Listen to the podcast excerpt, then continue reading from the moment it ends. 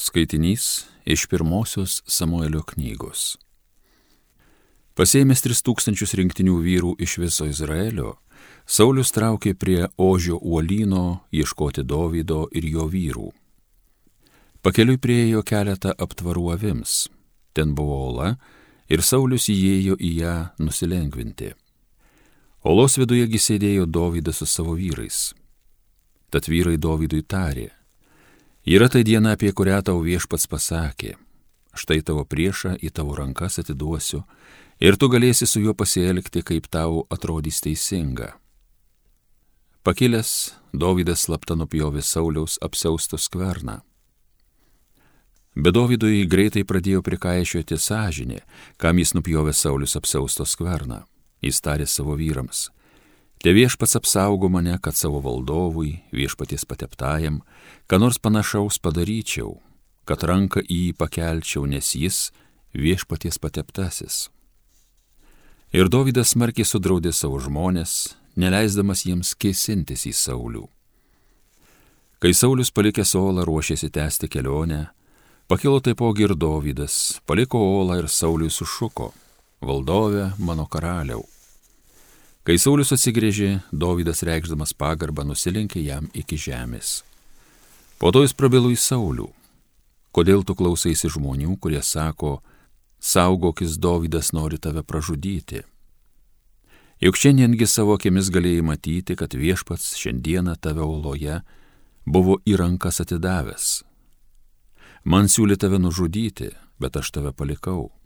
Sakiau tau, nepakelsiu rankos prieš savo valdovą, nes jis viešpaties pateptasis. Štai mano tėve, čia mano rankoje tavo apsaustos skvernas. Jeigu aš tavo apsaustos skverną nupjoviau, o tavęs nenužudžiau, tai galigi suprasti, jog aš neturiu prieš tave piktų kėslų ir nieko nesu tau nusikaltęs. O tu atimti gyvybę man tykai. Te viešpats bus mūsų teisėjas, bet mano ranka nepakils prieš tave, kaip sako sena patarlė iš nusikaltėlių piktadarystė, o mano ranka prieš tave nepakils. Tad kągi sekioji Izraelio karaliau, kągi vėjiesi, nudvėsusi šunį, vienintelę blusą. Te viešpats bus mūsų teisėjas, te jis mūsų teisė. Te svarsto ir te veda manąją bylą, tegu tau įrodo mano teisumą. Kai Dovydas baigė Sauliui byloti, Saulis atsakė, nejaugi tai tavo balsas, mano sūnau Dovydai. Ir Saulis garsiai pravirko. Jis Dovydui tarė, tu už mane teisingesnis, nes tu padarėjai man gerą, tuo tarpu, kai aš tau blogą linkėjau. Tu šiandien įrodėjai man gerą linkėjas, nors viešpats ir buvo į tavo rankas mane atidavęs, bet tu manęs neužmušiai. Kasgi užklupęs priešą geruoju paleistų toliau keliauti? Tegu tau viešpats geru atsimoka už tai, ką man padarė šiandieną. Dabar tai žinau, kad tu būsi karalius ir kad tavo rankose karalystė patvers. Tai Dievo žodis.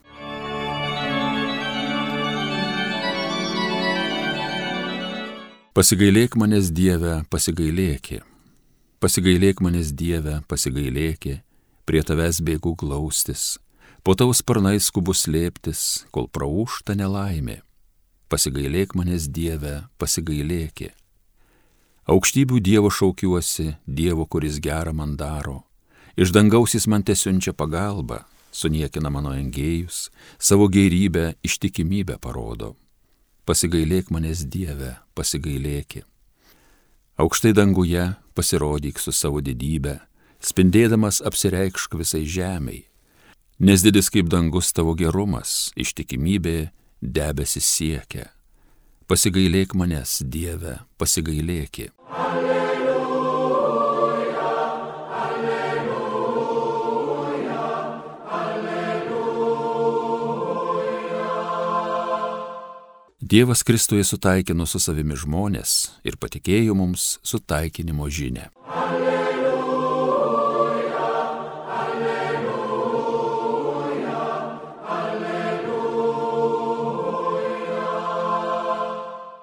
Iš Ventosios Evangelijos pagal Morkų. Jėzus užkopė ant kalno ir pasišaukė, kuriuos pats norėjo, ir jie atėjo pas jį. Ir jis paskyrė dvylika, kad jie būtų kartu su juo ir kad galėtų siūsti juos skelbti žodžio ir jie turėtų galę išvarinėti demonus. Paskyrė dvylika.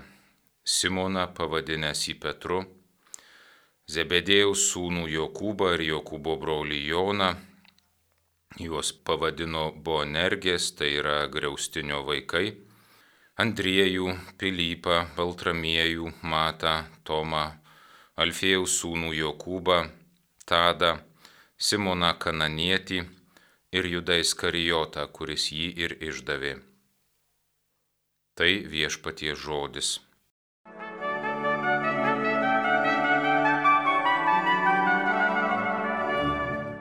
Šiandienos Evangelija pasakoja apie paštalų išrinkimą, išvardinami ir visų jų vardai, kurie užima didesnę ištraukos dalį. Dažnai ši artima Jėzaus mokinių grupė vadinama tiesiog dvylika.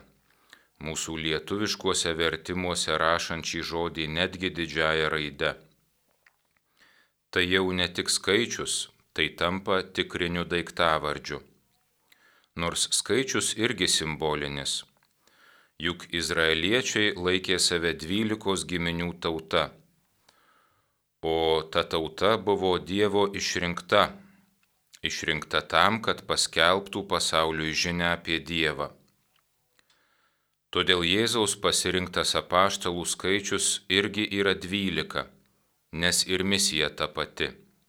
Evangelija, džiugiaja žinia apie Dievų išganimą, paskelbti visam pasauliui.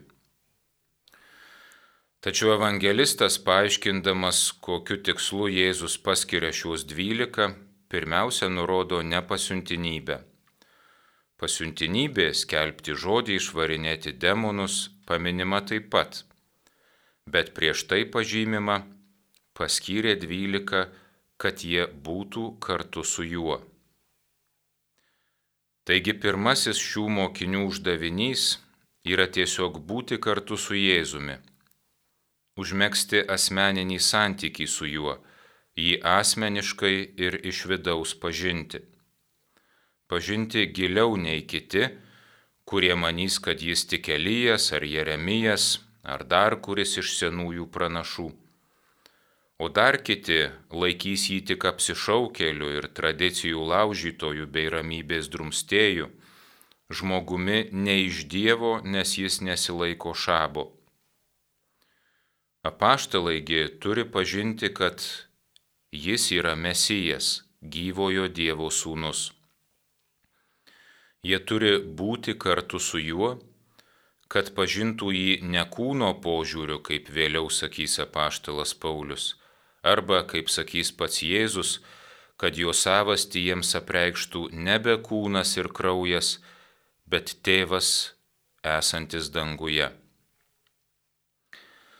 Šis buvimas kartu su Jėzumi nėra skirtas tik tam, kad paskui tinkamai apie jį kitiems paskelbtum.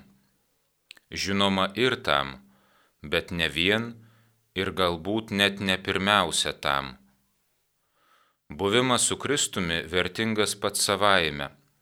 Tai vertingiausias dalykas, kurį žmogus gali patirti ar atlikti. Juk ir amžinybė arba dangaus karalystė bus ne kas kita, kaip tiesiog amžinas buvimas su Dievu. Ir jeigu mes tikim, kad esam pašaukti į Dievo karalystę, tai reiškia, kad esam pašaukti tuo pačiu tikslu, kaip ir šitoje Evangelijoje parašyta, kad būtume kartu su Dievu. Žinoma, ši Evangelija pirmiausia apie paštalus, todėl ypatingai į ją turime įsiklausyti mes, dvasininkai, kunigai, viskupai. Ar prisimename, kad Jėzus pašaukė mus pirmiausia būti kartu su juo? Ar pakankamai tą vertiname? Ar kartais ir mes nepasiduodame spaudimui būti veiksmingi, daug padaryti, ar dėl to kartais neapleidžiame maldos, metinių rekolekcijų. Pamenu įstojęs į seminariją pirmą kartą sudalyvavau rekolekcijose. Iš pradžių buvo nejauku, nes nereikėjo nieko veikti, nieko dirbti, nereikėjo siekti kažkokių rezultatų, ko siekti buvom pripratę. Tiesiog reikėjo būti, melstis, klausytis. Atrodė nenaudingai leidžiu laiką. Bet tą patirtį prisimenu iki šiol. Tame tiesiog buvime su Jėzumi pamažu atsiskleidžia kažkokia prasme. Kažin ar ne pagal šiuos šiandienės Evangelijos žodžius sukurti ir antrosios Eucharistijos maldos žodžiai tariami netrukus po pakilėjimo. Lotiniškai jie skamba gracijas agentes quia nos dignos habuisti astare coramte et tibi ministrare. O lietuviškai sakome, dėkojame tau, kad pašaukė mus tarnauti tavo akivaizdoje. Amžina atilsi popiežius Benediktas XVI yra atkreipęs dėmesį, kad mes per daug sutelkėm dėmesį į antrą dėmenį - tarnauti, ministrarė, bet šiek tiek primiršom pirmąjį - stovėti, būti Dievo akivaizdoje, astarė koramte. Tai atsispindi pažymi popiežius net ir vertimuose šios, šio liturginio teksto vertimuose į kai kurias kalbas, kur tas buvimo viešpaties akivaizdoje diemuo nepakankamai išryškinamas. Kaip matom ir dabartinėme lietuviškame vertime jis nunyksta Nors tiksliau išvertus lotynišką tekstą, jis skambėtų, turėtų skambėti maždaug taip - dėkojame tau, kad padarėjai mus vertais stovėti tavo artume ir tau tarnauti. Įsiklausykim. Dėkojame, kad padarėjai mus vertais viena - stovėti tavo akivaizdoje ir antra - tau tarnauti lengva atpažinti tuos pat elementus kaip ir Evangelijoje. Paskyrė dvylika, kad viena būtų kartu su juo ir antra, kad galėtų juos siūsti skelbti žodžiu ir taip toliau. Ir kaip popiežius sako, mes pamirštam šitą būti kartu su juo. Žinoma, tarnauti Dievui irgi yra šventas dalykas. Kaip ką tik sakiau, Jėzus išsirenka paštalus ir tam. Bet jeigu nebūni kartu su juo, kažin ar gali tinkamai jam tarnauti. Gal kartais susitelkus tik į tarnavimą, mūsų veikimas lotiniškai skamba nebe tibi ministrarė, o sibi ministrarė. Reiškia, imam tarnauti savo, nebe Dievui.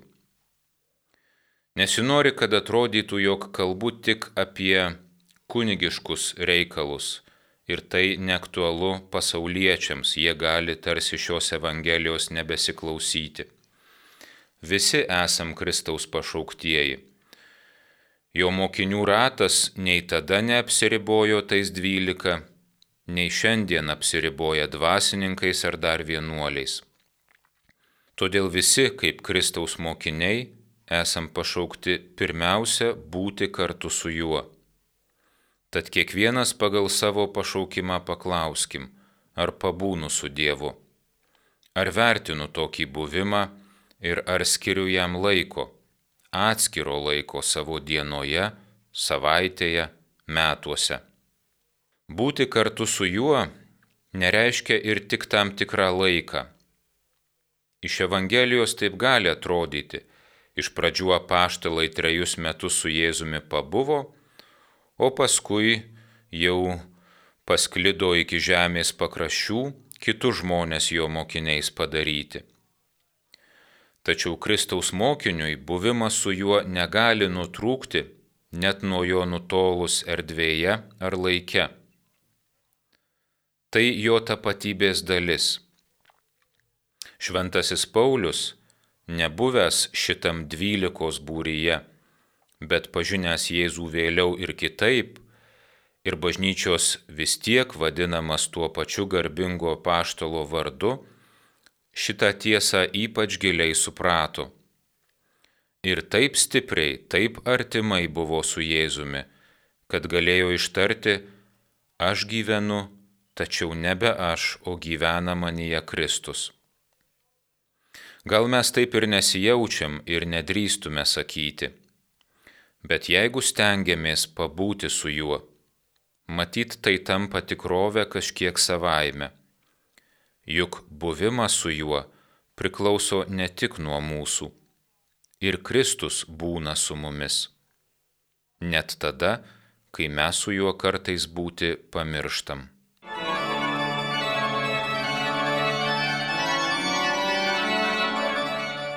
Evangeliją skaitė ir homiliją sakė kunigas Žydrūnas Vabolas.